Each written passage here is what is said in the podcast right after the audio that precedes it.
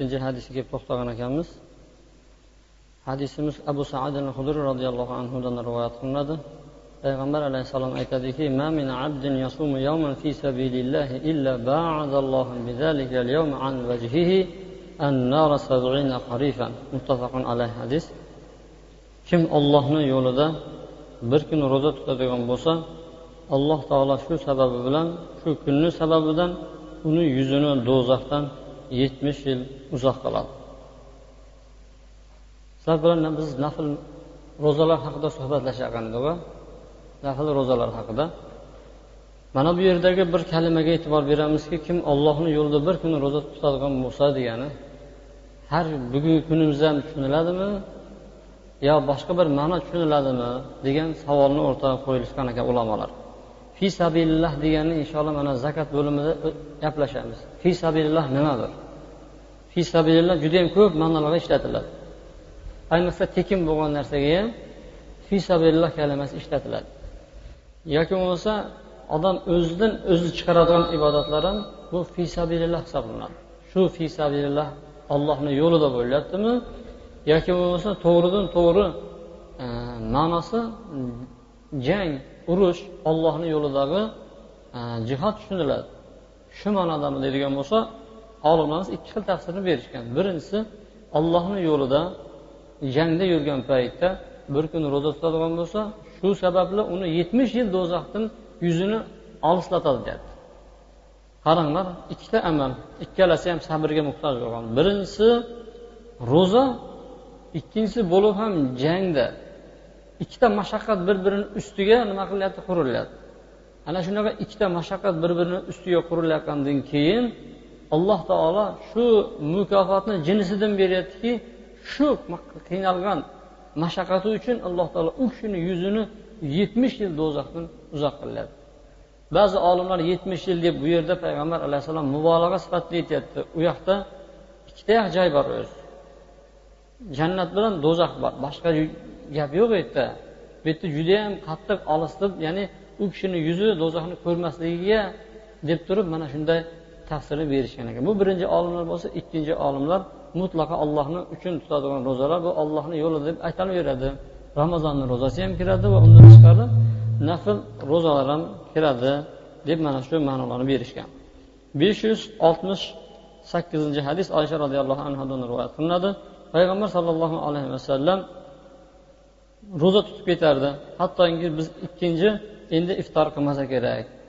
Ya'ni endi ochiq yurmasa kerak deb qolardik va shunda bir vaqtlar kelardiki og'zini ochib yurardi tinmay ochib yurgandiki endi ro'za tutmasa kerak deb qarardi.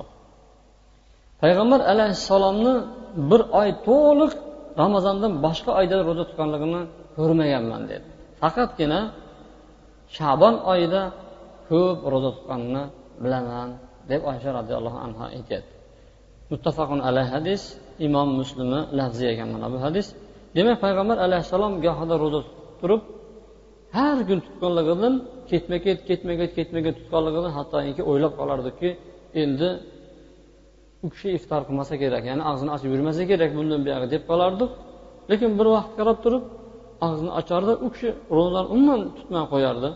Ramazonnikini emas nafl ro'zalarni og'zini ochib yuraveradi hattoki endi biz ro'za tutmasa kerak deb qolardik deydi bu vaziyatga bog'liq agar musulmonlarni ishlari ko'payib ketib turib safarlarga chiqib turib judayam mashaqqat xizmatga bir loyiq bo'ladigan ishlar bo'lganda edi deb tafsir qiladi ulamolar. Shunda payg'ambar alayhissalom oshardi. Ya'ni unga kuch kerak quvvat kerak u narsaga. Ammo bo'sh bo'lsa biron bir xizmat diniy xizmatlarda bo'lmaydigan bo'lsa unda payg'ambar alayhissalom ro'za tutardi deydi. Bizlarni allohdan foydamiz bir odam masalan hozir ko'p odamlar dam olishda ramazondan chiqqandan keyin ramazondan keyin uni ustiga mana e, yig'im terim yoki bo'lmasa bir odamlar bir oydan beri ishlamadi ramazon chiqishi bilan ishga boshlanib ketadi.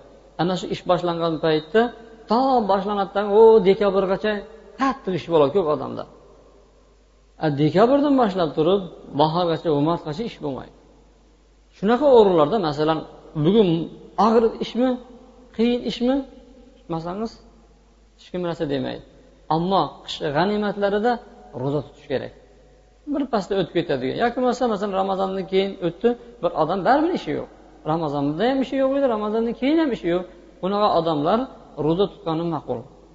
Ammo ishlari ko'payib ketadigan bo'lsa ulamolar tafsirlaganki payg'ambar alayhissalom ishlari ko'payib ketgan paytda balki to'xtab turgandir nafl ro'zalarni ammo bemalol bo'lgan paytda ketma ket tutganligi sababi ham shu deydi. Ammo shabon oyidagi ro'zalarga keladigan bo'lsak bu xuddi biz farz namozdan oldin sunnat namoz o'qiymizu? Sunnat namoz go'yoki tayyorgarlik hisoblanadi.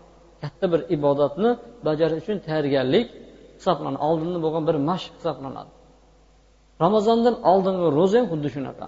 Ko'p odamlar ramazonni ro'zasini shundoq boshlab yuboradidan qiynalib qoladi. Boshida uch kun zo'rg'a qiyin bo'ldi. Taraflardan turish qiyin bo'lib qoladida. Shuning uchun oldinroqdan tayyorgarlik ko'rib payg'ambar alayhissalom ko'rgan bo'lish ehtimol qilinadi deydi. Va ummatlarga ham bu dars bo'ladi deydi. Shabonni biroq ikki kun qolgan paytda tutilmaydi. Ba'zilari o'n besh kundan keyin degan hadisda shunaqa kelmagan. Shabonni ichida bir kun ikki kun yana birozga bir kun ikki kun tutib shundoq turib o'zini ramazonga tayyorlab borishlik bu payg'ambar sollallohu alayhi vasallamni sunnatlari hisoblanadi. Bugungi o'rganadigan oxirgi hadisimiz esa besh yuz oltmish to'qqizinchi hadis. Abu zar roziyallohu anhudan rivoyat qilinadi. Payg'ambar sollallohu alayhi vasallam bizlarga oq kunlarida oq kunlarni uch kunida ro'za tutishlikka buyurdi. O'n uchi o'n to'rti o'n beshi deydi. Demak payg'ambar alayhissalom buyurdi deyapti payg'ambar alayhissalom ashoblarga buyurgan ekanki shu kechani oq kunlarida uch kun har oyni uch kunida ro'za tutinglar dedi. Oy to'lishadi. To'lishgandan keyin hamma yoq yorug' bo'lib ketadiyu. Xuddi ozgina qoladi kunduzga o'xshab qolishlikqa ana shu kunduzga o'xshab qolayotgan kunlarda sizlar ro'za tutinglar deb buyurgan ekan payg'ambar alayhissalom. Bu payg'ambar alayhissalomni sunnat. Payg'ambar alayhissalomni hikmatiki o'zicha aytgan emas bu payg'ambar alayhissalomga alloh taolo har bir narsani bildirgani uchun payg'ambar alayhissalom shu kunlarda ibodat qilishlikqa shay bo'lgan. Mana hozirgi paytda endi olimlar buni kashf qilib topishyaptiki oy to'lgan paytda odamni qonidagi odamni ichidagi suvlar ko'tarilib ko'tarib yuqoriga chiqarar ekan ya'ni davleniya kuchayar ekan ana shu kunlarda. Shu kunlardagi davleniyani ushlashlik uchun muvozanat bo'lishlik uchun payg'ambar alayhissalom ro'za tutgan. Undan tashqari dengiz bor joyga kim dengizni atrofida yashasa o'n uch o'n to'rt o'n beshinchi kunlari shunaqa dovul tutadi dengizda. Dengiz to'liq xuddi quturib ketib turib qirg'oq tepalariga uradi o'zini to'lqinlarini. Suv. Odamni ko'proq qismi suvdan iborat. Odamda ham xuddi shunday oy to'lgan kunlarida hamma suv bor joylari muvozanatdan sal tashqariga chiqib bezovta bo'lar ekan. Uni bir qalbda ushlaydigan mana ro'za hisoblanadi payg'ambar alayhissalom shu yaxshi bo'ladi shunda ro'za tutinglar demaydi. Balki alloh taoloni bu kishiga bo'lgan ilhomi sababli sahobalarga buyurgan ekan. kim mana shu ro'zalarni ushlab yuradigan bo'lsa inshaalloh ulamolar aytadiki qiyomatni og'ir tashnalik kunlari uchun ro'za tutib qo'yinglar degan ekan shunda qiyomatni og'ir soatlari yengil bo'ladi degan ekan alloh subhanava taolo hammamizga ramazondan tashqaridagi nafl ro'zalarni tutishlikka o'zi tavfiq bergan bo'lsin subhanaka allohumma bihamdik ashhadu an la ilaha illa anta astag'firuka va atubu ilayk برحمتك يا ارحم الراحمين